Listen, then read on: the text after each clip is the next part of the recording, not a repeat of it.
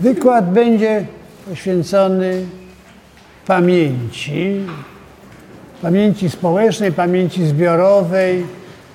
Ja chętnie się posługuję takim terminem kultura historyczna, dlatego że on jest najbardziej pojemny i nie wprowadza zamieszania, jakie wprowadza termin pamięć zbiorowa. Natychmiast się pyta, co z pamięcią indywidualną, prawda? Natomiast wy, kiedy się posługujemy takim terminem jak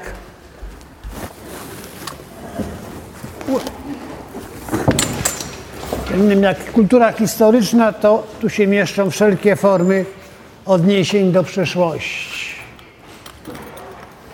Tak sobie zdefiniujemy kulturę historyczną. Jako wszelkie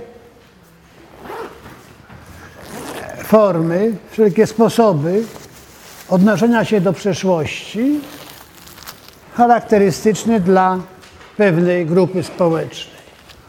W tak rozumianej kulturze historycznej można wydzielić pewne pod, poddziały.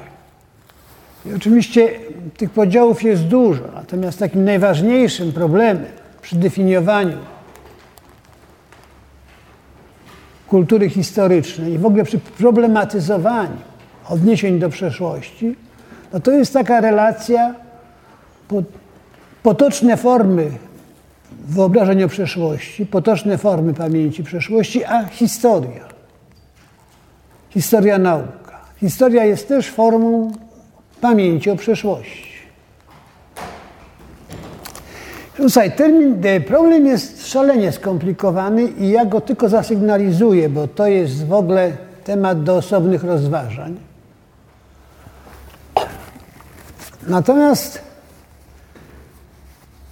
skrótowo można by to ująć tak. Odwołując się do takich potocznego rozumienia historii nauki i historii i pamięci potocznych wyobrażeń o przeszłości. Historia jest taką formą zapamiętywania przeszłości, której problemem centralnym jest prawda historyczna. Czyli dotarcie do tego, próba dotarcia do tego, jak było naprawdę. I to jest podstawowa funkcja nauki historii. Pamięć potoczna, funkcje pamięci potocznej polegają na czymś innym.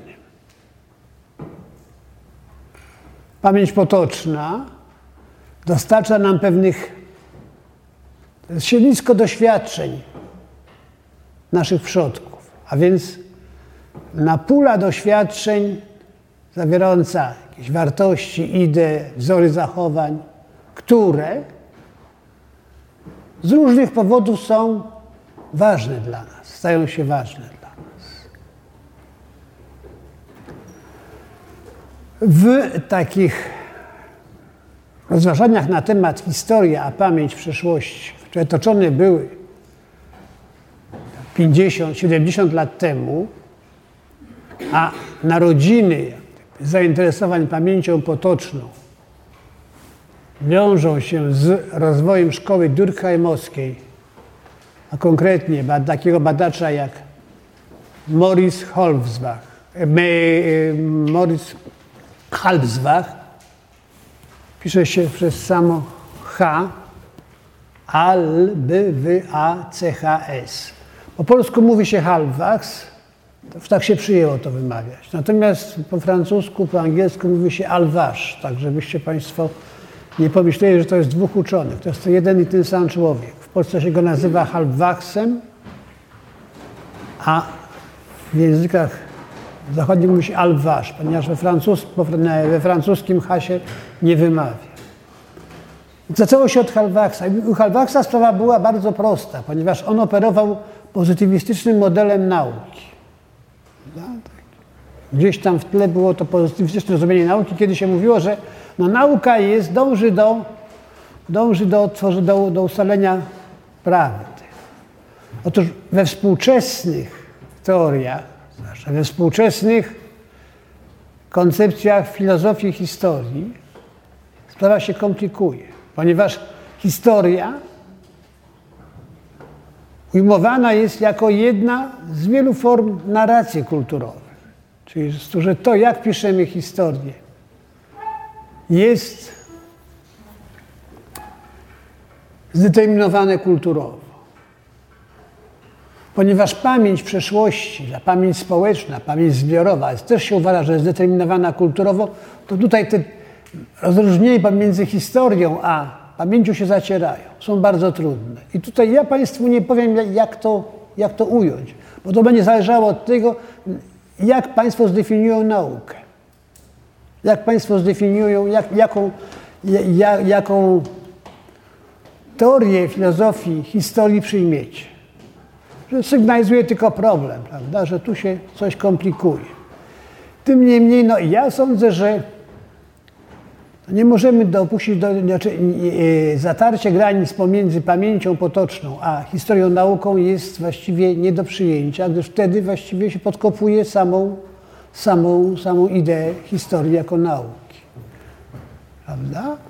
I dlaczego? No bo jeżeli, y, jak powiada jeden z takich czołowych moderni, postmodernistycznych filozofów historii, Hayden White, White tak jak biały się pisze, że w historii mamy do czynienia tylko z różnymi rodzajami narracji i wybór narracji jest kwestią czysto estetyczną, no to wtedy i problem prawdy historycznej gdzieś schodzi na plan dalszy, to gdyby cały autorytet historii się rozmazuje. Bo czym, się, czym wtedy się różni historia od, czymże różni się historia od, od y, literatury? Proszę zauważyć, że w kręgu kultury europejskiej te potoczne odwołania się do przeszłości o tyle mają jakby, moc przekonywania, o tyle pełnią jakiekolwiek funkcje, o ile są postrzegane jako prawdziwe, jako, nie, jako niecałkowity wymysł. I proszę Państwa, no tyle tych uwag wstępnych dotyczących samego samych takich jak gdyby teoretycznych rozważań na temat pamięci przeszłości, kultury historycznej. Zdefiniujmy sobie jeszcze raz to, że no, pamięć przeszłości jest pewną, czy pamięć społeczna jest pewną częścią, jest pewną cząstką kultury historycznej. Tak ja to proponuję ująć. Pamięć przeszłości przyjmiemy jako wszelkie wyobrażenia o przeszłości, o, czyli o bohaterach, zdarzeniach, postaciach,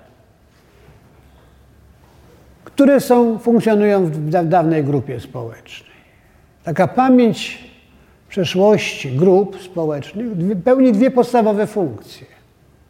Pierwsza legitymizuje czy usprawiedliwia pewne porządki, wartości, pewne stany rzeczy. Oto na przykład powołujemy się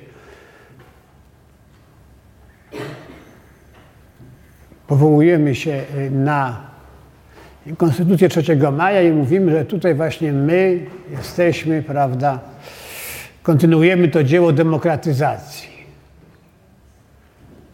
To jest ta legitymizacja porządków. To komuniści, kiedy doszli do władzy w 1945 roku, bardzo mocno pracowali na tym, żeby pokazać, że oni są kontynuatorami polskich tradycji, polskiego dziedzictwa. I to w polityce bardzo często się zdarza. Druga podstawowa funkcja to jest dostarczanie budulca do budowania zbiorowych tożsamości. My się określamy, określamy się poprzez odniesienia do przeszłości. Jako, nie wiem, jako wspólnota narodowa, jako wspólnota regionalna, jako inteligencja, jako grupa społeczna i tak. Odwołujemy się do swojej przeszłości. I teraz no, kultura historyczna to byłoby coś więcej jeszcze. To byłyby pewne skład kultury historycznej, w zakres tego pojęcia. Wchodziłoby również ten stosunek do wiedzy historycznej, relacje pomiędzy wiedzą historyczną a potocznymi formami pamięci przeszłości. Proszę zobaczyć, że w różnych społeczeństwach europejskich jest jak gdyby różny status przywiązania do prawdziwej wiedzy i korzystania z, z ustaleń historii. W jednych społeczeństwach można mówić bzdury na temat przeszłości i to uchodzi, jest kupowane, w innych nie, bo są krytyczne. Czyli tak możemy też badać kulturę historyczną. Kultura historyczna nam też powiada o tym, jakie są reguły korzystania z przeszłości. I to było, to jest definitywnie koniec wstępu. Natomiast cały wykład, cała reszta wykładu poświęcona będzie charakterystyce współczesnej kultury historycznej Polaków i pewnych rysów, pewnych przemian tutaj dokonują.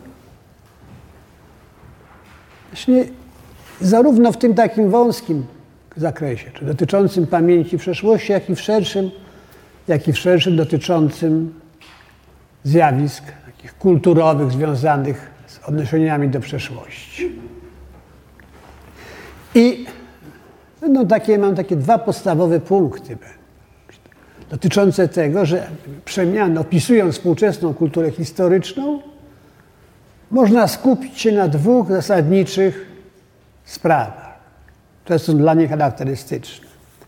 Po pierwsze, to jest zjawisko prywatyzacji pamięci przeszłości. Prywatyzacji tego, co my pamięci przeszłości. A punkt drugi to jest pojawienie się nowego typu wrażliwości historycznej. Oba te zjawiska są bardzo zróżnicowane i wielowątkowe. Jeśli chodzi o, teraz przechodzę do tej prywatyzacji pamięci przeszłości, to tu mamy takie dwa kompleksy znowu zjawisk, do pewnego stopnia niezależnych od siebie. Czyli mówiąc o prywatyzacji pamięci przeszłości, można mieć na myśli dwa różne zjawiska. Pierwszy dotyczy przemian systemów wartości przywoływanych w kontekście przeszłości. Wtedy, kiedy myślimy o przeszłości. No i tutaj taka może rada trochę praktyczna, czy metodologiczna. Co to znaczy, jak badać zmiany odniesień do przeszłości? Jak badać konkretnie już, jak się czego, co obserwować, kiedy, kiedy chcemy badać pamięć przeszłości? Otóż to jest taki no, mój pomysł na to, ale myślę, że on funkcjonuje dość dobrze. Ja wybrałem takie trzy warstwy, jeśli chodzi o pamięć przeszłości. Pierwsza to jest warstwa znaków, takich nośników, nośników różnych znaczeń. To są nazwy bohaterów, postaci, zjawisk różnego rodzaju, wytworów kulturowych. Na przykład Kościuszko, Grunwald, Pan Tadeusz, panorama racławicka i tak dalej. Wawel. Więc możemy badać, coś, jak się zmienia ten zestaw tych, ten zestaw tych, tych wydarzeń, tych, tych, tych pamiętanych zdarzeń. Taki rdzeń tego zestawu to to jest kanon historyczny, który jest częścią składową kanonu kulturowego. Czyli, a kanon sobie możemy zdefiniować jako zbiór tych elementów, o których członek danej grupy wiedzieć powinien. Coś powinien wiedzieć. Prawda? Ktoś, kto nie wie, kim był Mickiewicz, to może i jest Polakiem, ale takim podejrzanym. Osowski powiedziałby, że to jest nieuświadomiony człowiek, nie, nieuświadomiony członek wspólnoty narodowej. Otóż w pewnych wspólnotach, tak zwanych wspólnotach wyobrażeniowych, uczestnictwo w grupie uczestnictwo we wspólnocie zakłada znajomość kanonu tej grupy. Oczywiście kanon kulturowy jest czymś szerszym niż kanon historyczny, ale kanon historyczny stanowi o taką potężny rdzeń, potężny rdzeń tego, tego kanonu kulturowego, tak jak dziedzictwo kulturowe stanowi potężny rdzeń kultury grupy. Więc możemy obserwować zmiany tych, tych, tego składu kanonu, czy, i szerzej, czy elementów. Po drugie, możemy sobie obserwować możemy sobie obserwować wartości związane z tymi elementami kanonu. Otóż każda taka pamiętana postać czy zdarzenie zasady jest nośnikiem dwojakiego rodzaju wartości. Z jednej strony symbolizuje grupę, uczestnictwo w grupie, a z drugiej symbolizuje jakieś konkretne wartości. Da Chopin, Polak. Chopin, wielki artysta. Kościuszko, patriota. Kościuszko, nie wiem, bohater chłopski. Szczególna wartość, prawda? Jako, jako człowiek. I to są tak. Więc możemy badać, jak się zmieniają te wartości, czy jak się zmieniają, mówiąc inaczej, jeszcze interpretacje pewnych wydarzeń historycznych. No i po trzecie, to nie jest reguła, ale zasady. Ta przeszłość pamiętana funkcjonuje jako, czyja, jako czyjaś przeszłość. Moja albo innej grupy. Otóż jak jest konstruowany ten zakres grupy? Mojej i tej odrzucanej. Raz, prawda, to będziemy my, Europejczycy. Myślimy o Goethe. Goethe jest dzieciństwem nas, Europejczyków. Ale Hitler nie. Hitler jest, jest, jest, jest, jest dziedzictwem, no właśnie, Niemców czy, czy, czy jakiejś e, pewnej grupy tylko Niemców. I to problem, jak jest konstruowany, jak są konstruowane te zakresy, to jest następne. I właśnie ja tutaj już nie będę tych, bo to oczywiście można teraz cały, taką tą całą strukturę badać te, na tych trzech poziomach, jak to się zmienia, ale jak powiedziałem, wracam, ja się zajmuję tylko tymi tendencjami nowymi. I teraz Państwo już wiedzą, co to znaczy, że wartości przywoływane w kontekście odniesień do przeszłości. Otóż jak się zmieniają, jeżeli mamy pewien kanon, czy pewne zdarzenia, czy rocznice, które chcemy czcić, albo których się wstydzimy i tak dalej, to jak one są interpretowane? Co tu się zmienia w tych interpretacjach? Otóż tu następuje prywatyzacja. I zaraz powiem, na czym ona polega. Porównuję badania, kilka badań prowadzonych przez, od lat 70. do współczesności. Takie ważniejsze badania to były badania Barbary Szackiej.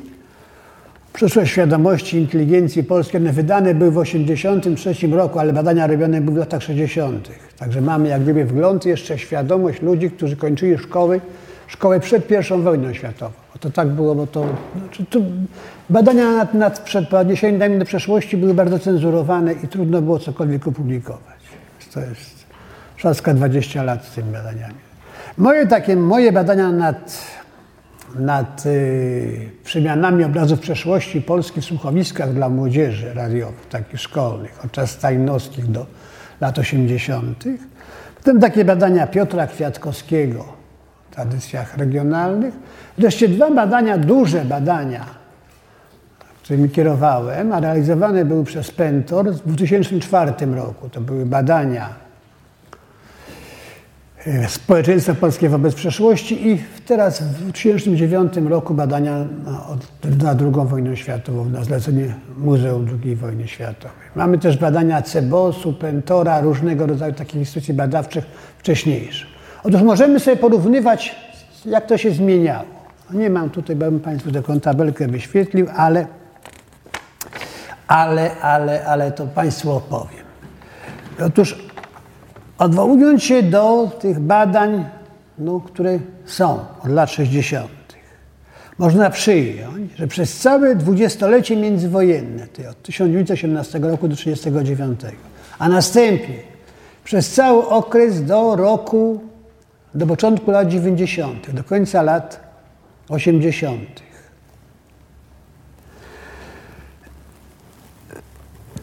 W społeczeństwie polskim cenione były przede wszystkim te postacie, takie zdarzenia, takie wytwory kulturowe. Wytwór kulturowy to jest i dzieło sztuki, i legenda, prawda, i, i budowla i tak dalej, pomnik którym przypisywano wartości ważne z punktu widzenia narodu albo państwa. A więc ważne w takim skali makro. No więc była to miłość ojczyzny, narodu, sukcesy militarne, sukcesy gospodarcze, silne państwo. Oczywiście w różnych okresach i w różnych grupach ta hierarchia tych wartości była różna. No, jeżeli się brało jeżeli się brało y, przykład w tych moich słuchowiskach, no to w czasach stalinowskich oczywiście rewolucjonizm był najważniejszy. Potem te inne wartości. Jeżeli się badało inteligencję, no to najważniejszy był patriotyzm i kultura, ale patriotyzm, postęp, silne państwo. Tym niemniej właśnie ta zasada taka była, że to, co ważne z punktu widzenia państwa i narodu, to jest, to jest, to jest właściwie ważne też gdyby w, w kontekście odwołań do przeszłości. Otóż to się radykalnie zmieniło w badaniach z 2004 roku.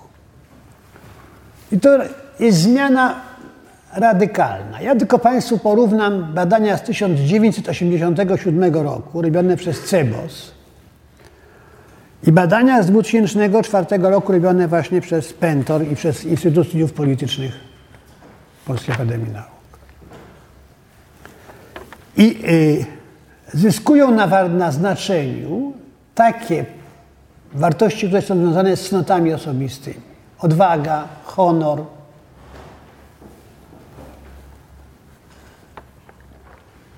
szlachetność, siła charakteru. I już Państwu mówię, w 1987 roku te cnoty osobiste było 15% wyborów. W 2004 29, to jest skok o 14 punktów procentowych. To jest w ogóle niebywałe. Żadnej pomyłki nie było, bo to były dokładnie te same badania, to, sam, to samo pytanie się pojawiało. Podobna próba. Tą, akurat te badania COBOS realizował Piotr Kwiatkowski i, i Penterowskie też żeśmy razem robili. Także tutaj żadnych, żadnych nic nie, nie, nie zadziałało coś takiego jak, jak sformułowanie pytania, które może zniekształcać. Proszę Państwa, następny wielki spadek to jest silne państwo. W 1987 roku to było 15%, 22%, przepraszam, a w 2004 9%. Spadek o 13 punktów procentowych. Wolność, niepodległość spada o 7 punktów procentowych. Patriotyzm spada o 7 punktów procentowych. Natomiast co zyskuje? Postęp demokracja, a przede wszystkim właśnie te cnoty osobiste 14 punktów. Religia, Kościół też zyskuje 9 punktów. To się też wiąże, to są też osobiste jakieś, te związane z osobistymi.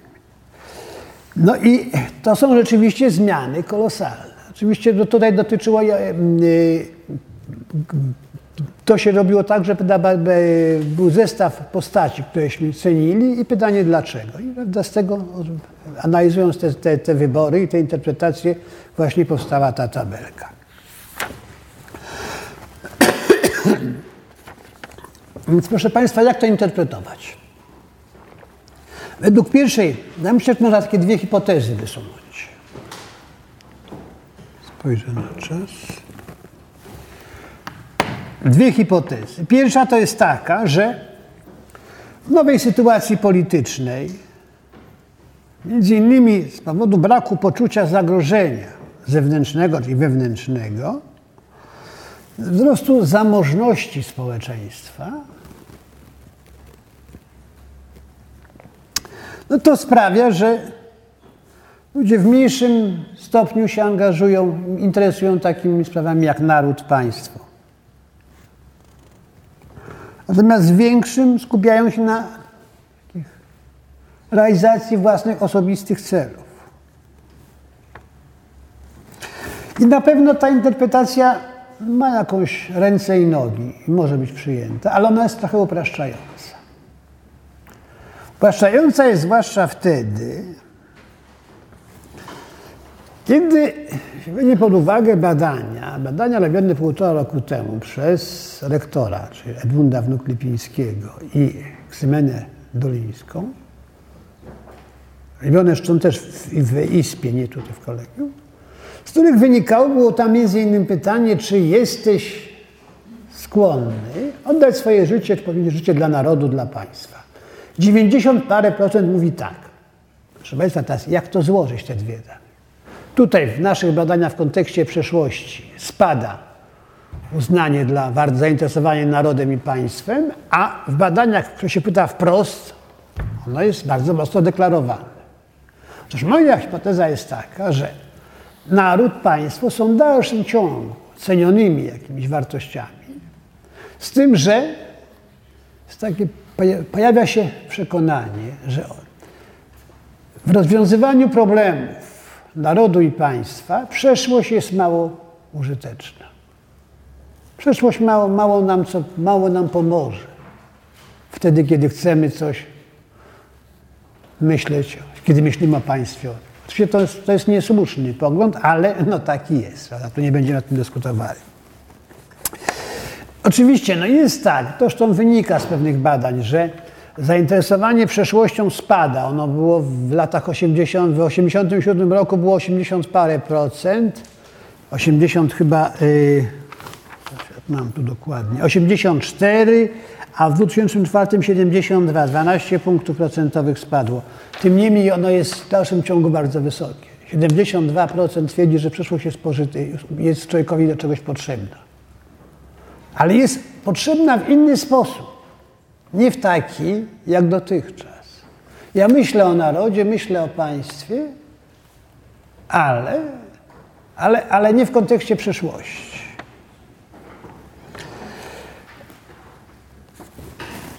Myślę, że to zainteresowanie, czy o tym, że państwo jednak jest pewną wartością i naród też, to jest pewna, o tym świadczy popularność happeningów, jak na przykład inscenizacja różnych scen z II wojny światowej, z powstania listopadowego i tak dalej. To już jest nowa forma wrażliwości historycznej, o której będę mówił później.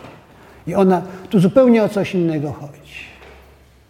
Zupełnie o coś innego chodzi. Nie, w każdym bądź razie tu nie chodzi o to, żeby czerpać wzory pewnych zachowań, rozwiązań z przeszłości do, dla współczesności. Zupełnie o coś innego. O tym będę mówił na koniec. Wspomniałem, że mówiąc o prywatyzacji pamięci przeszłości, będę mówił o dwóch zjawiskach. I teraz do tego drugiego zjawiska przechodzę. Ono jest właściwie luźno powiązane z tym, co wiem dotychczas. Właściwie to jest coś odrębnego. A mianowicie chodzi o coś takiego, że w całym tym okresie od I wojny światowej, ja to mówię tak, bo takie mamy badania objęte, możliwe, możliwe że to zjawisko trwało, pewno trwało wcześniej, ale co najmniej od I wojny światowej do końca lat 80. Pamięć rodzinna, pamięć lokalna, tak małych grup społecznych, była się zakotwiczona w,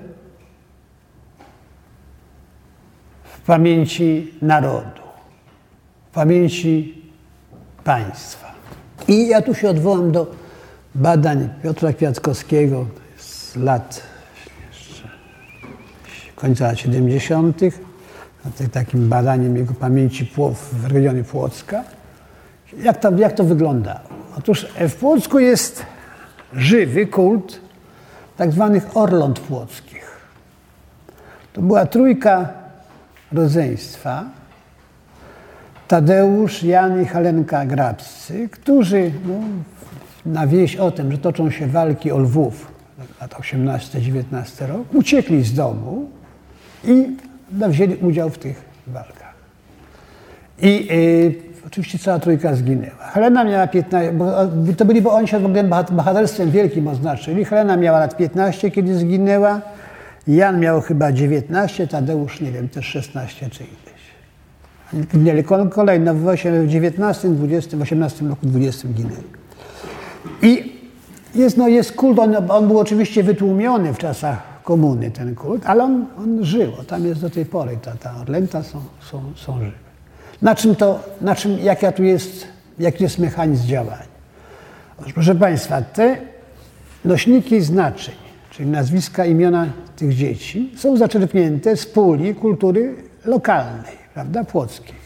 Natomiast wartości, umrzeć za ojczyznę, z puli wartości, z puli wartości narodowej. No.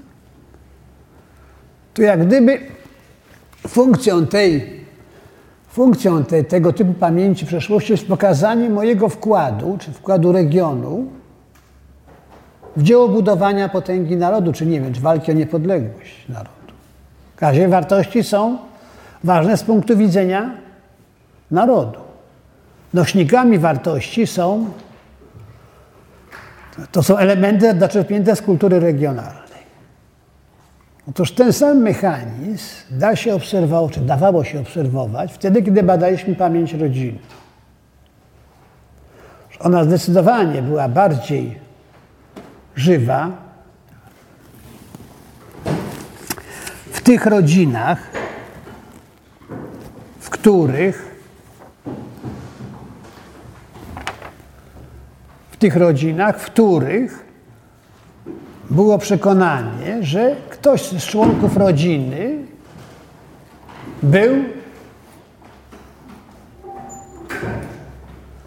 brał udział w ważnych dla grupy wydarzeniach, dla grupy narodowej wydarzeniach. Wyszacki w 1973 roku, właśnie, kiedy robił takie badania na zlecenie OBOP-u, pisał, że częstotliwość rozmów o przeszłości rodzinnej wiąże się silnie z przekonaniem, że w danej rodzinie byli lub są ludzie, którzy brali udział w ważnych wydarzeniach historycznych. Czyli tu mamy wyraźne zakorzenienie, zakorzenienie pamięci rodzinnej i pamięci narodowej. To zjawisko występuje nadal, ale ono słabnie. A jeszcze, żeby Państwu dać jeden taki przykład. Było takie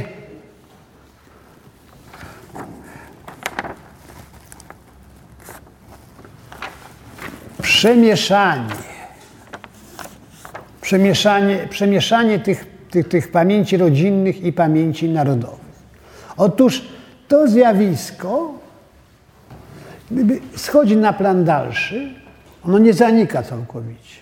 Ale obok niego pojawia się nowy typ taki odniesień do przeszłości, tej małej przeszłości, który najogólniej można nazwać autonomizacją pamięci rodzinnej i pamięci lokalnej autonomizacja, uwolnienie się od kontekstu narodowego.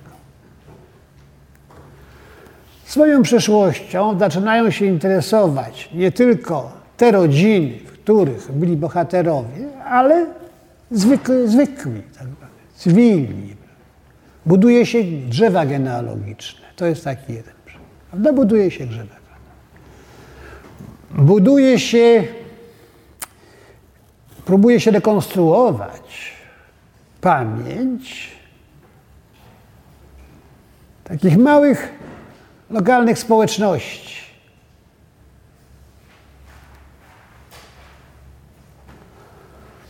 No i to zaczyna tak funkcjonować w tej chwili, że pamięć rodzinna i pamięć regionalna, pamięć ale małej, takiego małego regionu, są traktowane wymiennie.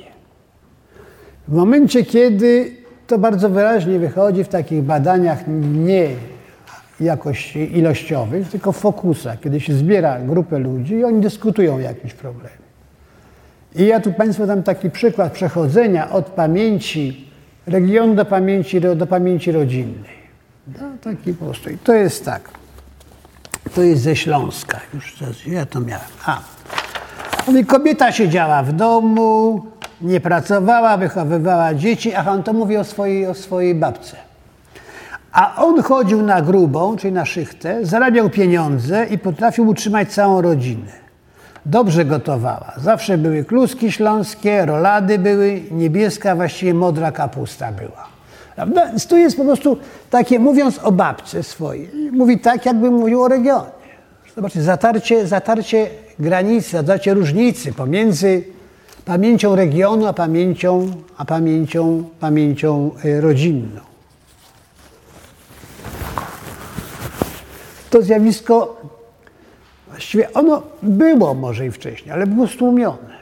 Tego, tego to nie wychodziło w badaniach, prawda? To nie wychodziło, bo tego po prostu, po prostu to było stłumione, to było nieważne. Nikt o takich rzeczach nie mówił.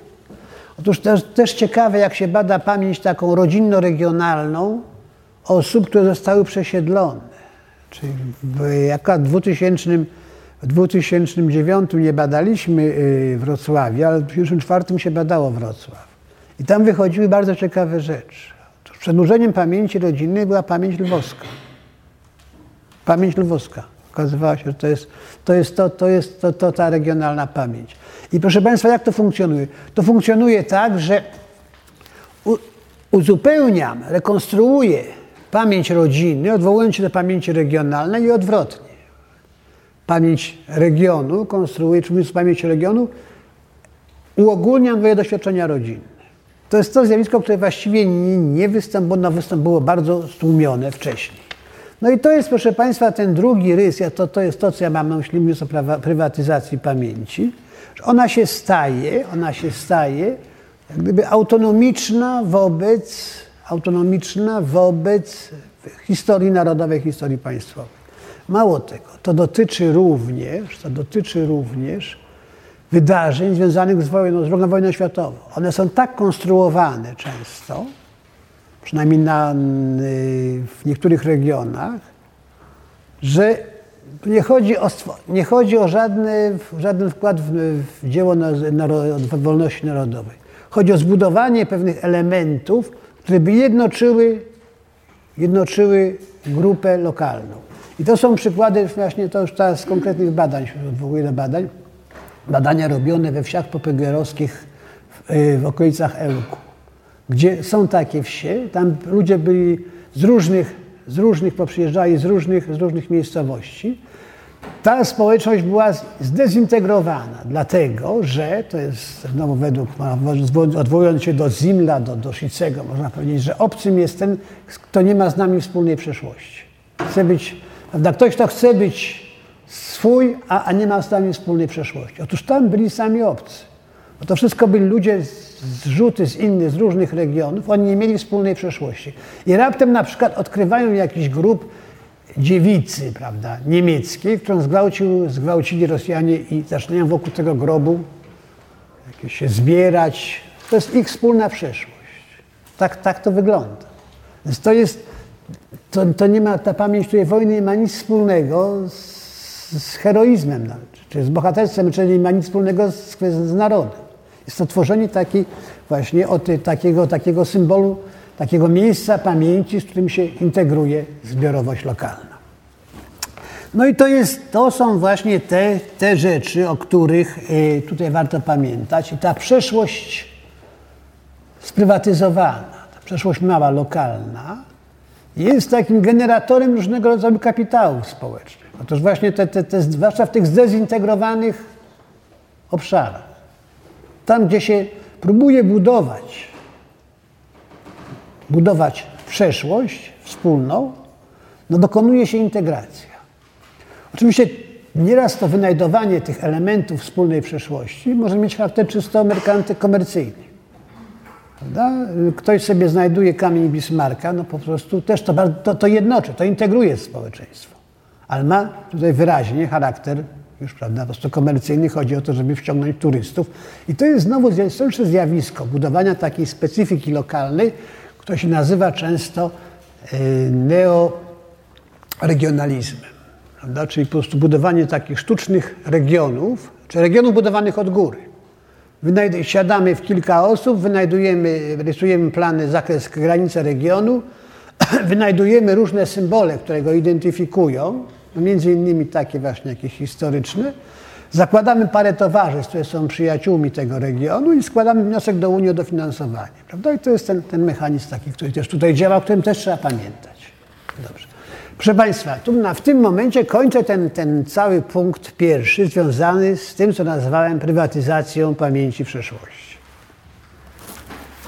Natomiast teraz przechodzę do punktu drugiego, czyli do nowych form wrażliwości historycznej. Otóż tutaj też nie ma jednej formuły, która by nam pozwoliła tę nową wrażliwość historyczną opisać, ale to jest usprawiedliwione, ponieważ cała kultura współczesna, kultura no, w jakimś sensie postmodernistyczna, składa się właśnie z tych takich różnych wątków, przenikających się i nie do końca spójnych. I tutaj też tak będzie.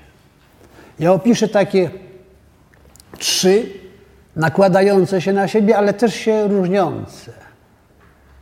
Zjawiska, które w moim przekonaniu świadczą o pojawianiu się, o pojawianiu się nowej formy wrażliwości, nowej, nowej formy wrażliwości, wrażliwości historycznej.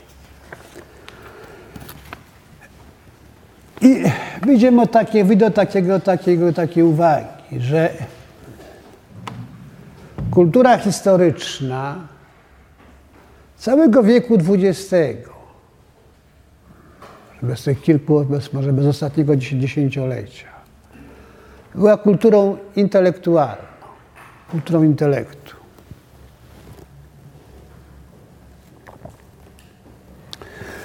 Kulturą intelektualną w tym znaczeniu, że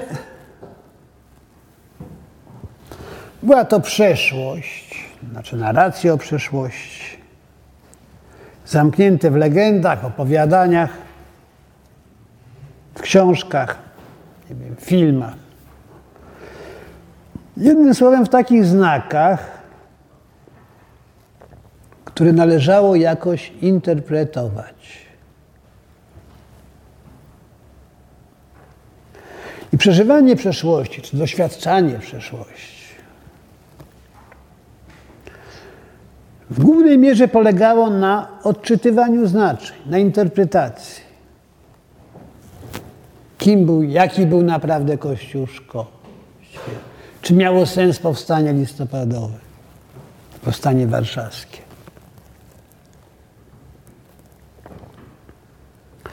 A Chopin niezależnie od tego, jak był opisywany, czy to była monografia, czy to, było, czy to był znaczek, czy hasło, prawda?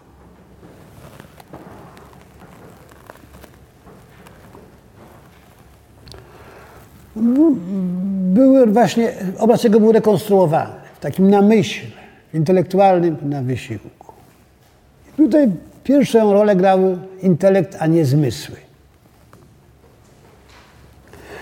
Natomiast właśnie wydaje mi się, że ten typ wrażliwości historycznej, ten typ nastawiony na, na in, jakby zapośredniczony, to doświadczenie przeszłości zapośredniczone w intelekcie, jeżeli nie zanika zupełnie, to w każdym razie ma oboczną, obocznego jak gdyby rywala, no, oboczna forma,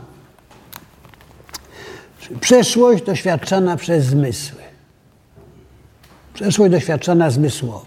Otóż dobrym przykładem takiego zmysłowego przeżywania przeszłości no są na przykład happeningi.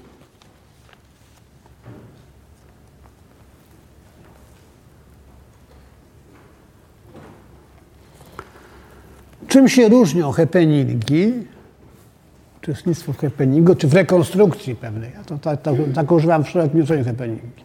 Reko, rekonstrukcji, czy jakiś, nie wiem, czy, czy, to jako widz, jako uczestnik, czy jako widz, wszystko jedno. Takiego happeningu. Od takiego na przykład czytania historii, podręcznika historii, czy jakichś wspomnień, czy pamiętnika. Czym to się różni? Otóż ta historia doświadczona intelektualnie, czyli te czytane teksty, czy czy rozmyślania nad tym, dają się bardzo łatwo przełożyć na pewne wzory zachowań.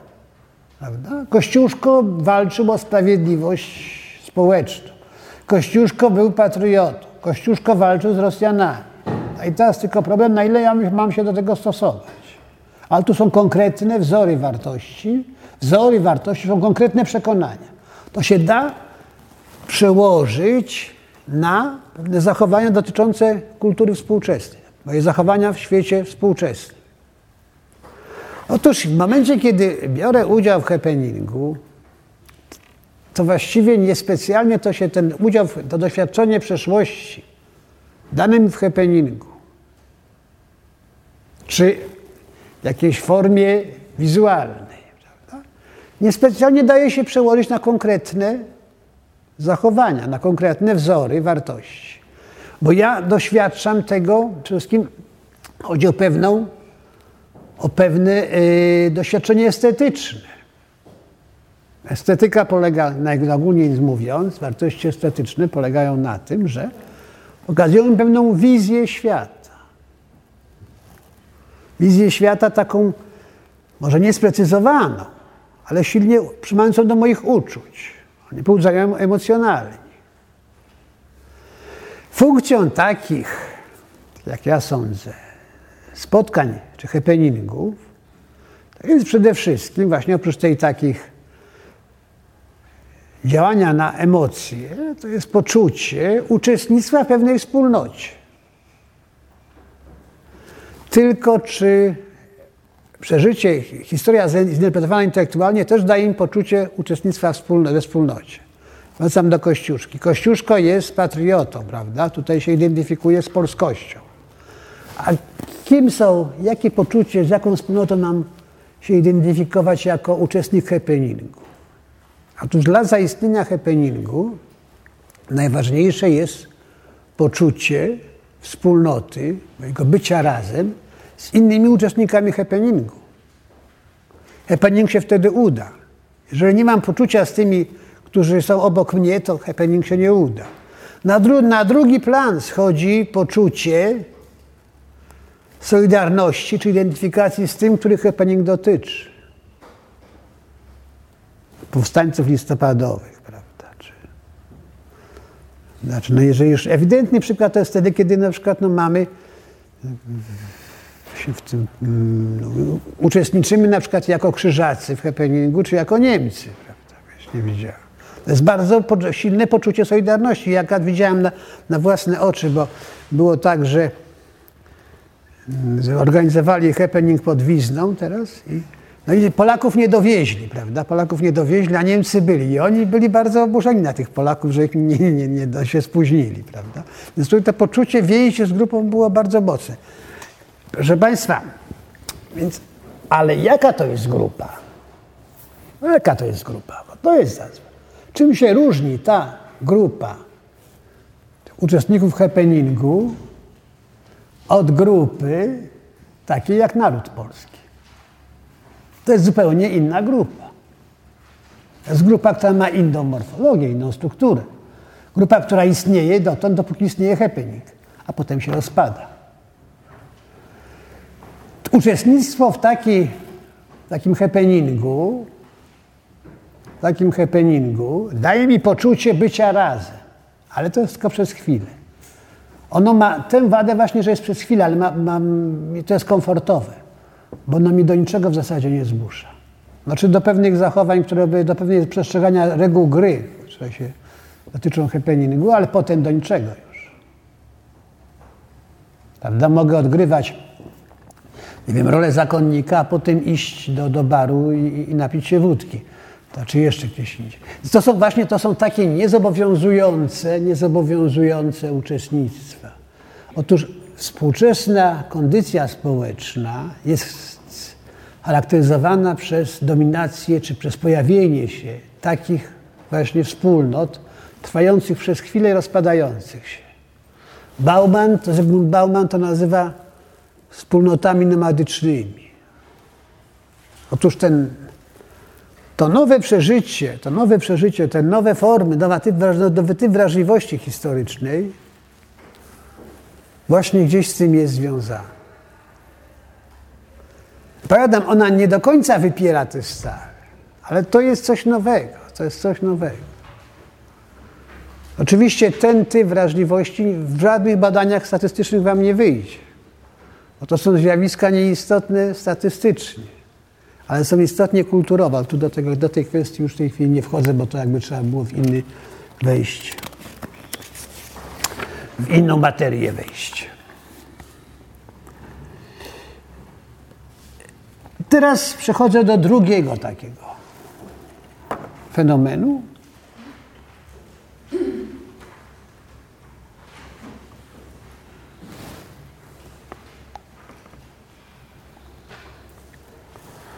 jego fenomenu, który tutaj nazwał, jeszcze nie mam dobrej nazwy, ja to nazywam uhistorycznienie przestrzeni społecznej. Ale termin jest niedobry. Tutaj Państwo sobie musicie, to jest mój pomysł, ale musicie sobie sami to ewentualnie przerobić. Ja jestem z tego niezadowolony. Uhistorycznienie przestrzeni. Na czym to polega?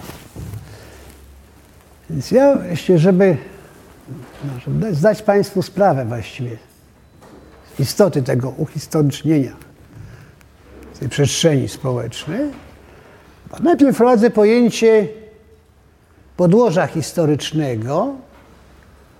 Na koncepcja sformułowana na początku lat, pod koniec lat 40. chyba przez Kazimierza Dobrowolskiego, a wykorzystująca pewne pomysły jeszcze dużo wcześniejsze Ludwika Krzywickiego. I ta koncepcja została zarzucona tego podłoża historycznego. Zaraz Wam powiem, na czym ono polega. Natomiast to, co ja nazywam uhistorycznieniem przestrzeni, byłoby czymś dokładnie odwrotnym.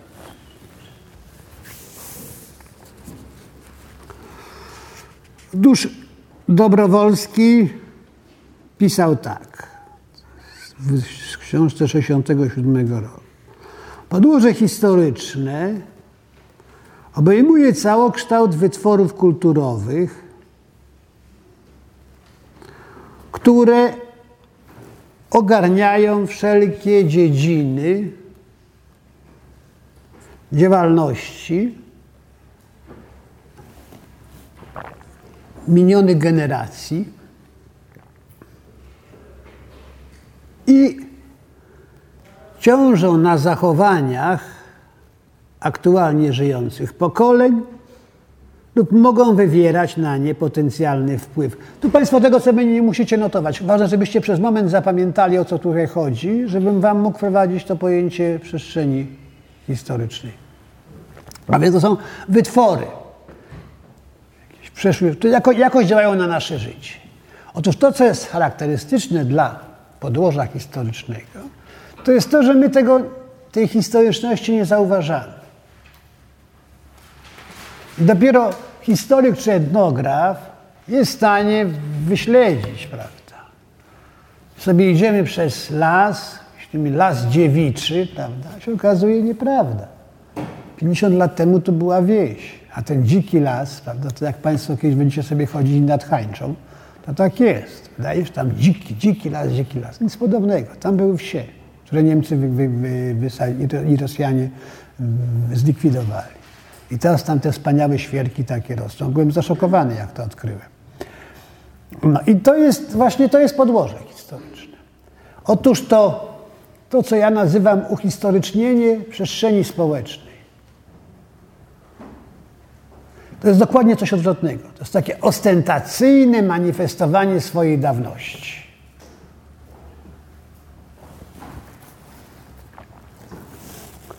To, że ja jestem że to jest coś dawnego.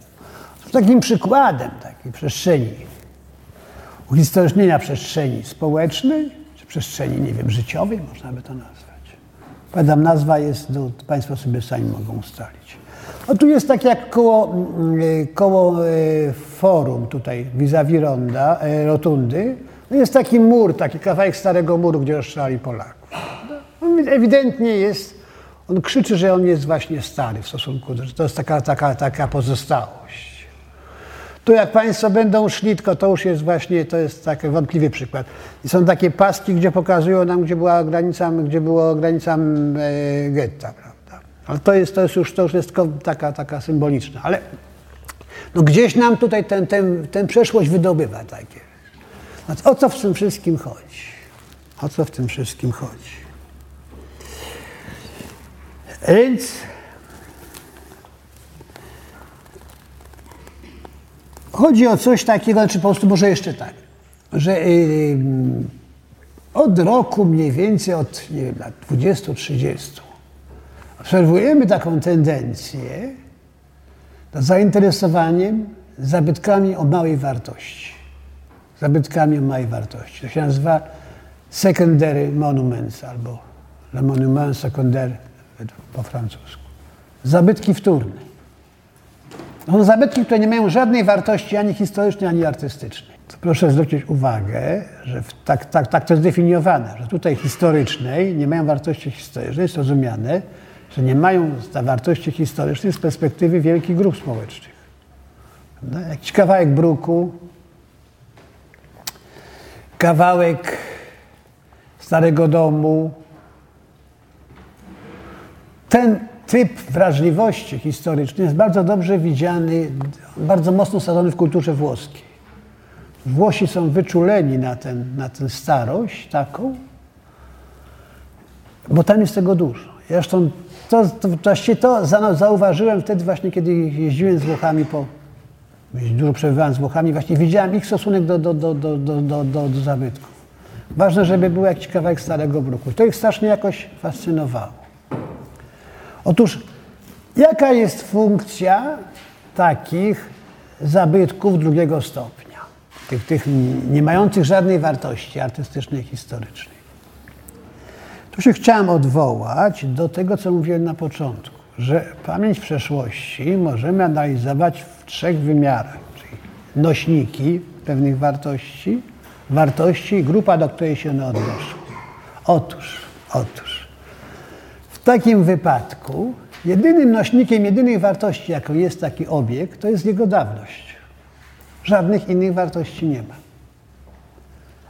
Do żadnej grupy nie właściwie, często nie ma, do żadnej grupy go nie można odnieść. Ludzkość. Jacyś tak.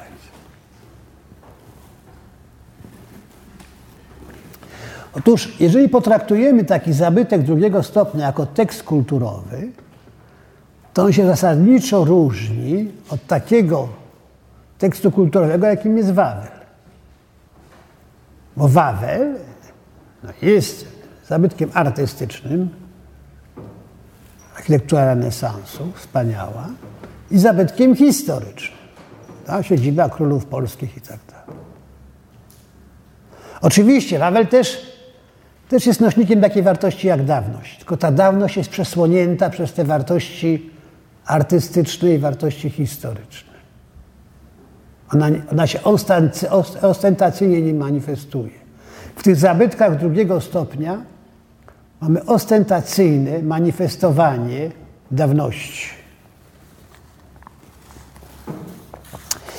I teraz mam taki znowu cytat. Czy ja go znajdę?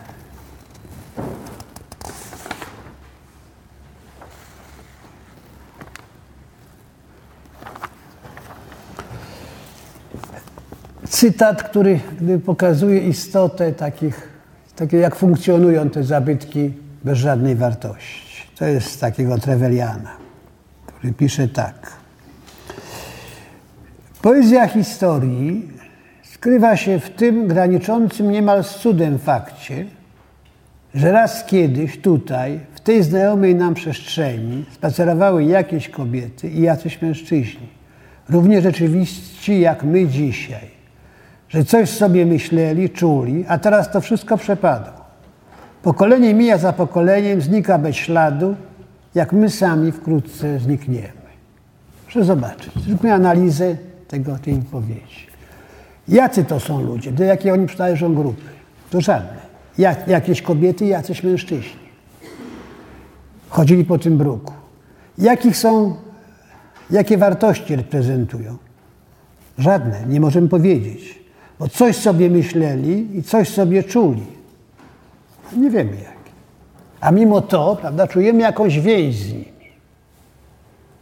Otóż tym elementem, który wytwarza więź, jest przedmiot materialny. Przedmiot materialny wytwarza tę, tę więź. On prowokuje nas. Natomiast znowu ta wspólnota, która się tutaj nad tym narysowuje, poczucie tej więzi z tymi ludźmi, no jest takim, jest chwilowe właściwie. Jest, jest takim poczuciem więzi, które nas znowu do niczego nie zobowiązuje. Emocjonalnie tak, ale społecznie do niczego. I to jest znowu ten, ten typ wrażliwości, ten typ poszukiwania oparcia we wspólnotach przez człowieka, który jest nomadą we współczesnym świecie, który przynależy do wielu grup społecznych, żadną się nie chce identyfikować, może specjalnie, i raptem ta głęboka więź z tymi, którzy chodzili po tym bruku przeżycie więzi, które znowu do niczego nie zobowiązuje. To jest bardzo charakterystyczne.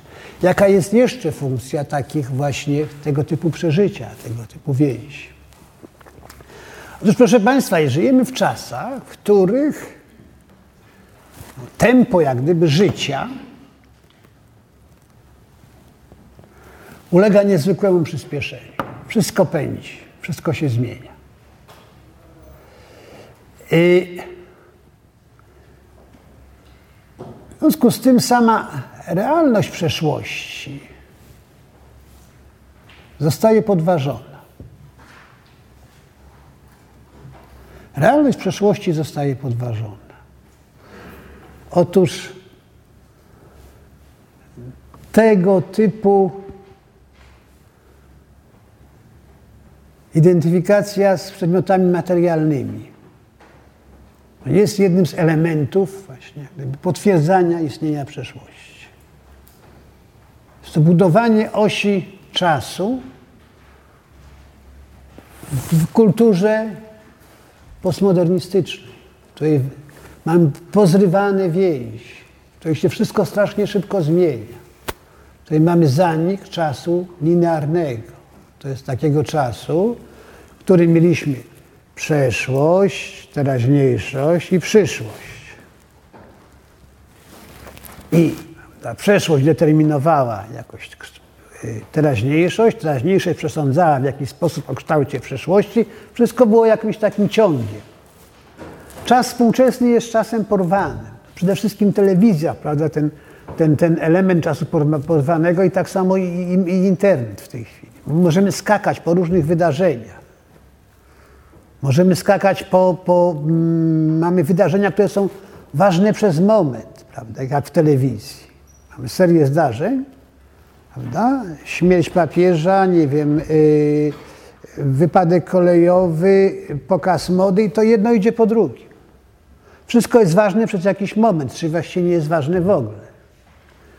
Jeżeli nie jest ważne w ogóle, to też ta struktura tego czasu linearnego zostaje załamana. I teraz przechodzę do rzeczy już do, do ostatniego punktu, właśnie jak gdyby tego trzeciego 2.c. To będzie ten trzeci punkt, czyli nowy, nowy, nowy typ wrażliwości. Znowu jakoś powiązany, ale też do pewnego stopnia odrębny. A mianowicie, jak już wspomniałem, Wspomniałem przed chwilą o tej o potrzebie, o tej, po potrzebie, że e, e, te zabytki materialne nam jakoś poświadczają trwanie, istnienie przeszłości. Ale też wspomniałem na początku, że no, w teorii filozofii historii, bardziej w filozofii niż w praktyce historycznej konkretnie, dyskutuje się nad problemem prawdy historycznej. Co to jest prawda historyczna? No. Pozytywiści, były taki słynni, dwóch takich słynnych teoretyków, Langlois i Seniobo, napisali książkę o tym, jak się właśnie pisze historia, czym polega obiektywizm. Powiedział, no sprawa jest prosta. Bierzemy pewne fakty historyczne, sklejamy je, zestawiamy obok siebie i mamy obiektywną wersję historii. Otóż już w końcu XIX wieku to zakwestionowano. Nie ma, tu mówią, ten, to jak sklejamy, jak do siebie dokładamy fakty jest konstrukcją, jest pewnego typu narracją. Jeżeli są, narra- jeżeli są różnego typu narracje, no to co my możemy zrobić? Każda narracja jest inna. Czy tu się da coś uzgodnić? Otóż osobą, która uczonym, który postawił ten problem, był Collingwood. C-O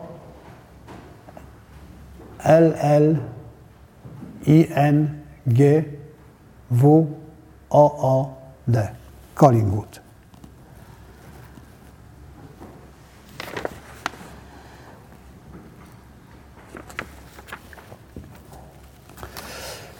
U Collingwooda on powiedział, no, no każda, każda, nauk, każda narracja historyczna, również naukowa, jest pewną narracją robioną z perspektywy czasu tego, który opowiada, czy uczonego. Nosi nieuchronny ślad, ślad tego na, na sobie. U Collingwooda sprawa była dość prosta. No, można było analizując sytuację autora książki historycznej, dociec, dlaczego on pisał tak, a nie inaczej. I można z nim było dyskutować. Można było osiągnąć pewien konsensus, prawda? On na przykład on przyjął taką, a nie inną metodę liczenia, czy na przykład taką, a nie inną, yy, taką, a nie inną metodę, tak, tak, a nie inaczej zinterpretował dany fakt. Możemy się z nim spierać, czy tak, czy inaczej. Także tutaj dokumenty jeszcze mogły nam coś pomóc i można było zrozumieć przynajmniej rację tego, który napisał taką, a nie inną historię. Otóż idziemy potem krok dalej i mamy wspomnianego dzisiaj Haydena White'a, który mówi, wybór typu narracji jest kwestią czysto teoretyczną, czy czysto estetyczną. Od nastrojenia autora zależy. Nie ma żadnej różnicy między narracją literacką, fikcyjną, narracją historyczną. Otóż w tym momencie sprawa się właściwie no, komplikuje. Jest właściwie koniec, nie ma, nie ma co dalej dyskutować. No, możemy dowolny typ narracji przedstawić i, i rościć sobie pretensję, że on jest prawdziwy. Prawda, ja teraz tej sprawy nie będę rozstrzygał. Natomiast ogólny klimat jest taki, takiej niepewności wokół przeszłości. Prawda? To na przykład Rosjanie twierdzą, że Beck był, współpracował z Hitlerem. Na przykład. No to są, to są, są takie elementy. Kiedy bo konsekwencją właśnie takiego, takiego skrajnego relatywizmu jest to, że, pociągnę ten wątek, w pewnym momencie po skończeniu jak gdyby takiej twardej, zimnej wojny przechodzimy do innego typu wojny, mianowicie wyrażania swojej pozycji mocarstwowej przez głoszenie mniej lub bardziej absurdalnych wizji przeszłości. Prawda? Ja, taka jest moja teza przynajmniej. Y, komunikując jakąś wizję przeszłości, im bardziej absurdalna, tym, tym, tym lepiej działa, komunikuje swoją pozycję polityczną. Albo się ośmiesza. Jeżeli mam za tym stoi moja e, armia, to tak niezupełnie się ośmiesza. W razie tu jest taka, przeszłość staje się formą walki politycznej. Reakcją na to, reakcją na to takich, na reakcją na zachowania intelektualistów związanymi z, związanymi z władzami politycznymi są jak gdyby intelektualiści niezależni. Są takie badania podejmowane, czy to nad miejscami, wspólnymi miejscami pamięci. Jest taka cała seria, ta się badań rozwija. Francusko-niemieckie, francusko francusko polsko-niemieckie itd., tak dalej. Czy też powoływanie grup do tak zwanych trudnych problemów. Jest taka teraz też międzyrosyjsko-polskie. W razie tutaj tylko na marginesie sygnalizuje. Ale problem jest taki, że to poczucie braku kontaktu z autentyczną przeszłością no jest jednym z takim wielką skazą kultury współczesnej. Jaka jest na to reakcja? Oczywiście też są reakcje teoretyczne się pojawiają. Bo to nie jest tak, że, że nie ma teorii, które by nie chciały przezwyciężyć White'a.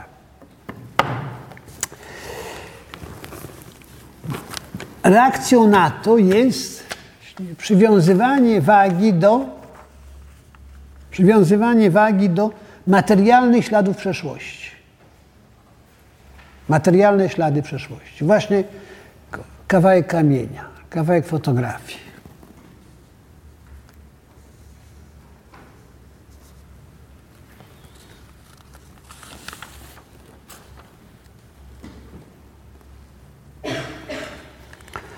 Otóż, co tu jest charakterystycznego w takim kontakcie co, co tu takiego ciekawego, co atrakcyjnego jest w owych śladach materialnych? No to jest coś takiego, że kontakt, tu doświadczenie przeszłości ma znowu charakter zmysłowy. Najlepiej przez dotyk. Charakter zmysłowy, czyli charakter jaki? Poza kontekstem kulturowym. Poza kontekstem kulturowym. Doświadczam przeszłości ale jakby poza kodami, zawieszając kody kulturowe. To jest to samo, to jest pewne złudzenie oczywiście, bo kody kulturowe funkcjonują zawsze, ja jestem w nie wprowadzony. Ale to jest podobne złudzenie jak przy fotografii. Prawda? Wydaje się, że kiedy oglądam fotografię, no to oglądam tę rzeczywistość taka, jaka ona była naprawdę. Oczywiście i sposób robienia zdjęcia, i sposób jego interpretacji jest zapośredniczony w pewnych kontekstach kulturowych. Ja wiem, jak się robi zdjęcie, ja wiem, jak, jak, jakie podświadomie nawet. Będę filmował twarz, a nie stopy, chyba że jakoś bardzo jak mi zależy. Będę, jak interpretuję, to też się przyglądam do pewnych rzeczy. Ale jest takie wrażenie, że fotografia to jest Niezakłamany obraz rzeczywistości, nie za, może nie, nie, nie coś zakłamany, nie, nie w kulturze, naturalny. I to samo jest z tymi doświadczeniami, tymi zmysłowymi. One znowu są tymi doświadczeniami takimi, no, spontanicznymi. I tu może w tym miejscu Państwu wyjaśnię taką sobie dygresję, na pewną różnicę między doświadczeniem intelektualnym a doświadczeniem powiedzmy no, zmysłowym czy metaforycznym. Różnica pomiędzy wypowiedzią w języku dyskursywnym, a wypowiedzią w języku metaforycznym. Bo właśnie do tych, te nowe, nowe, nowe, nowy typ wrażliwości historycznej związany jest z wypowiedziami metaforycznymi i ich takim odbiorem jak wypowiedzi metaforyczne. Na czym polega wypowiedź, jakie, jak, jakie są cechy dysku, wypowiedzi dyskursywnej? Proszę tego nie mylić z dyskursem jako taką jako formą, na przykład, bo dyskurs może być rozumiany jako te problemy, które są w obiegu publicznym. Tutaj dyskursywność polega na czymś innym. Dyskursywny, czyli już zaraz właśnie Państwu mówię. Weźmy najpierw, weźmy sobie przykład. Pokrywa śnieżna grubość 10 cm. To jest wypowiedź dyskursywna. Sformułowana w języku dyskursywnym. I wypowiedź sformułowana w języku metaforycznym. Kobierzeć śniegu. Co jest, co ja mam w tej, w tej pierwszej wypowiedzi? Co mogę z nią zrobić? No mogę spytać, czy jest prawdziwa, prawda? Czy to jest rzeczywiście 10 centymetrów, czy to jest może więcej albo mniej. To jest pierwsze. Czyli wypowiedzi w języku prawie dyskursywnym są prawdziwe lub fałszywe, a przynajmniej mogę sensownie o to pytać, czy one są prawdziwe lub fałszywe. Wypowiedź kobierzeć śniegu nie jest ani prawdziwa, ani fałszywa. Ona po prostu jest przekonywująca, dobra, ładna lub zła. Po drugie, do czego jest mi ta, do czego jest mi ta, ta, ta wypowiedź dyskursywna potrzebna? Kiedy ja będę takie wypowiedzi formułował? Wtedy, kiedy mam do, do, do, do, do, do czynienia, kiedy muszę coś zrobić praktycznego, kiedy na przykład muszę pójść ten śnieg po, po, po, posprzątać. Więc jeżeli tego śniegu jest nie 10 cm, ale pół metra, to wezmę jakiś pług, prawda? A jak 10 cm, to mi się nie opłaca wziąć pług, pług tylko wezmę łopatę i łopatą posprzątam. Wypowiedź metaforyczna, kobierzeć śniegu, jest takim do, do praktycznego użycia niepotrzebna. Natomiast ona jest potrzebna do mojego nastrojenia wobec świata, do mojej postawy wobec świata, zachwycenia świata. Czyli to są wypowiedzi w języku metaforycznym, tworzą nastrojenie, pewien sens życiu mojemu nadają. Dalej. Wypowiedź w języku metaforycznym, w języku dyskursywnym, a to jest taka analityczna, czyli ja po prostu od, jak gdyby od szczegółu przechodzę do ogółu, czyli mam pokrywę, centymetry i tak dalej. Prawda? Natomiast wypowiedź w języku metaforycznym, kobierzeć śniegu, jest jak gdyby dana mi w całości od razu. Ja ją albo chwytam, albo jej nie chwytam. Albo ona do mnie przemawia, albo ją odrzucam. I powiedzieć w języku dyskursywnym mogę poprawiać, mogę dopytywać, to jest 10 centymetrów, a ktoś powie, a co to jest 10 centymetrów, to jest centymetr. Ja mogę mu pokazać, to jest tyle na przykład. Czyli jest jak gdyby samozwrotna, da się sama objaśniać. Mogę objaśniać. Wypowiedź metaforyczna albo kupuję w całości, mam pewne kompetencje kulturowe, żeby ją kupić albo nie. Bo ją przyjmuję albo nie. Czyli ogólnie mówiąc, język dyskursu, wypowiedzi w języku dyskursywnym są potrzebne do opanowywania świata w wymiarze technologicznym. Wypowiedzi w języku metaforycznym to jest pewne nadawanie, nadawanie sensu światu. Ja gdzieś w którymś tekście, swoich tekstów porównałem historię do, jako język, w języku, to jest w języku, w języku dyskursywnym, natomiast pamięć przeszłości, ta pamięć zbiorowa jako wypowiedź w języku metaforycznym. Otóż coś takiego właśnie tutaj jest z tymi, z tymi przedmiotami, z tym kultem tego, tej materialności. Z tym kultem materialności, który no to jest to gromadzenie tych przedmiotów, które mi mówią o tym, o, o przeszłości. Dają mi kontakt z przeszłością w sposób, który dokładnie on nie jest taki, ale sprawia wrażenie, jak gdyby nie zapośredniczony w kulturze. To jest autentyczna przeszłość. To jest głód za autentyczną przeszłością. I to jest znowu taka cecha charakterystyczna dla współczesnej kultury. Ją się da obserwować właśnie, kiedy robiliśmy badania, takie grupy dyskusyjne, no to właśnie tak to było. Tak to było, że, yy, że ludzie mówili, że oni by chcieli coś zobaczyć na własne oczy. To jest taka tęsknota za autentyczną przeszłością. Dam Państwu takich parę przykładów z. Dam paru Państwu przykładów z takich właśnie z fokusów. To moderator pyta, mm, co pan by chciał? No, co pan, no ja bym chciał tam pojechać, mówię, to jest ciekawość, zwiedzanie. Swego czasu bardzo często tam bywałem. Zakochałem się w tym mieście, chciałbym zobaczyć, czy na przestrzeni 500 lat było bardzo zmienione. No i pytałem go, czy, i potem ktoś mówi, że chciałbym zobaczyć życie w średniowiecznym zamku. I, no i miał ogólnie, jak życie wyglądało czasy międzywojenne, zobaczyć to, co na zdjęciach jest zachowane, coś, co było naprawdę, naprawdę chciałbym zobaczyć. Tak jak na zdjęciach naprawdę, prawda? To trzeba zobaczyć. Te zdjęcia jako ten wzór autentyczności i naprawdę. Oczywiście pytanie, czy, no, czy by tam chcieli na stałe zostać. A broń Boże. Tylko zobaczyć, zobaczyć, dotknąć i wrócić. O. To jest ten pewien bardzo charakterystyczny dla kultury współczesnej typ wrażliwości historycznej. I teraz oczywiście no, punktem jest taki problem, czy problem, czy, czy replika może nam pełnić też takie funkcje. To jest wielki problem do, do, do rozstrzygnięcia. Ja go tylko sygnalizuję.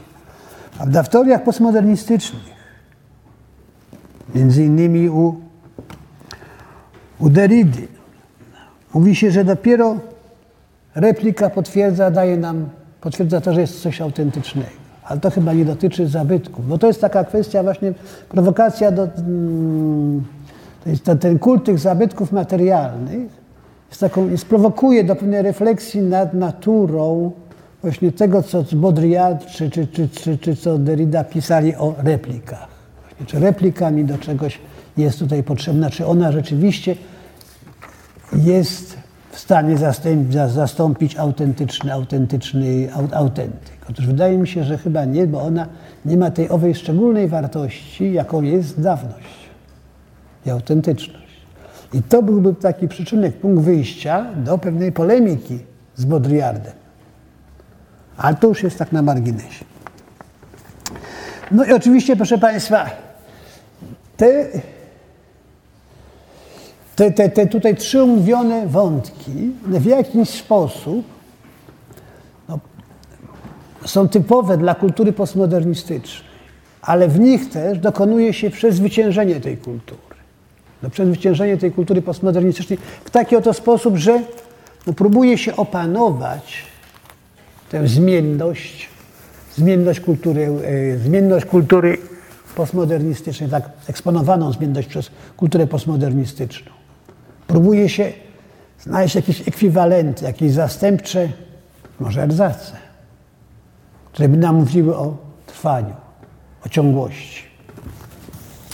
I to jest tyle, jeśli chodzi o te współczesne zmiany. I teraz bardzo krótko na zakończenie, pewien porządek terminologiczny. Ja nie chciałem od tego zaczynać, bo gdyby on się ma, on jest zbyt obszerny w stosunku do tego, co my tutaj mówiliśmy. No, taki porządek. Więc powiedziałem, mamy takie terminy, robimy tak króciutko żeby to skończyć. Kultura historyczna, pamięć o przeszłości, pamięć zbiorowa, Świadomość historyczna, dziedzictwo, tradycja. No co by tu jeszcze? Pamięć indywidualna, pamięć zbiorowa. No, to są takie. Więc proszę Państwa, jeżeli będziecie czytali tekst jakikolwiek, to nie kierujcie się tym, co ja tu mówiłem, tylko spróbujcie zrozumieć, co właściwie miał na myśli autor. Ponieważ każdy stosuje swoją własną terminologię i no, próbuje ją jakoś tam udoskonalać. Ja Państwu powiem więcej sposób, w jaki się rozumie w kręgu warszawskim. Tak jak, po prostu jak ja to rozumiem, jak to rozumie Szacka, Szacki, Kwiatkowski, jak to Kurczewska, no to jest ten, ten, ten, ta szkoła warszawska. Otóż my przyjmujemy, że, znaczy poza mną, wszyscy się posługują pamięcią, kategorią pamięci społecznej, o tak, o pamięci zbiorowej. Czy to są wyobrażenia typowe dla wyobrażenia typowe dla pewnej grupy społecznej. O tym, jaka była przeszłość, niezależnie czy ona była prawdziwa, czy nie, czy to są prawdziwe, czy nie. Pamięć, badając pamięć przeszłości, badamy funkcje, społeczne funkcje tej pamięci przeszłości. Wygodniej jest mówić o pamięci społecznej niż o pamięci zbiorowej, dlatego że wtedy możemy zrobić sobie rozróżnienie na pamięć indywidualną i pamięć zbiorową. Pamięć zbiorowa to byłoby to, co pewne wyobrażenia o przeszłości, które żywią członkowie pewnej grupy społecznej. Pamięć indywidualna byłaby pamięcią, która no jest typowa dla jednostki. Obie te pamięci, i indywidualna, i zbiorowa, dlatego są pamięciami społecznymi, bo są determinowane przez sytuację społeczną i przez kulturę. I pamięć indywidualna, i pamięć zbiorowa są determinowane przez kulturę. Ja do tego, do, do, ja to wszystko umieszczam jeszcze w szerszym kontekście kultury historycznej, w której, do, do której włączam również historię, naukę i tutaj taki podstawowy problem to są relacje pomiędzy historią, nauką a pamięcią przeszłości. Jak bardzo one są od siebie zależne czy niezależne a są zależne, w moim przekonaniu. Prawda, że kręgu kultury europejskiej pamięć przeszłości może funkcjonować tylko, pełnić swoje funkcje społeczne tylko wtedy, kiedy jest w jakimś minimalnym stopniu postrzegana jako prawdziwa. Tak zwana prawda esen, e, esencjalna, prawda istotnościowa. To nie chodzi o to, żeby dokładnie wszystkie fakty się zgadzały, ale żeby mniej więcej było tak, jak było jak w filmie, prawda, mamy okres międzywojenny, żeby to mniej więcej ludzie byli tak ubrani, jak byli ubrani, a nie chodzili w zbrojach. Bo jeżeli będziemy mieli film czasów międzywojennych, a ludzie będą chodzili w zbrojach, to coś się zacznie nam w głowach mieszać, prawda. To jest tak. Teraz przechodzimy do takich innych pojęć, o których tu jeszcze nie było mowy, czyli dziedzictwa i tradycji. I tutaj bardzo prosto za Szackim i Osowskim Proponuję Państwu rozumie, proponuję Państwu, żebyście rozumieli przez dziedzictwo, to są wzory reakcji mięśniowych, uczuciowych, intelektualnych, dziedziczone z pokolenia na pokolenie. To jest definicja Osowskiego sprzed lat, nie wiem, 50 i ją by trzeba trochę skomentować, bo nam już jest trochę przede wszystkim przekazywanych. Ja bym powiedział, nie, nie z pokolenia na pokolenie, ale z jednej grupy do drugiej, czy od jednej, jedno, prawda, z jednej grupy do drugich. Bo te pokolenia są zbyt długie we współczesnych czasach. To za, za duża jednostka jest, stała się szybko. Po drugie, trzeba pamiętać, że przekazywanie może się odbywać nie od starszego pokolenia do młodszego, tylko od młodszego do starszego. Natomiast co zrobić z tradycją? Jak się do tego ma tradycja? Tradycja to jest ta część dziedzictwa, którą słusznie lub nie uznajemy za swoją własną. To jest tradycja.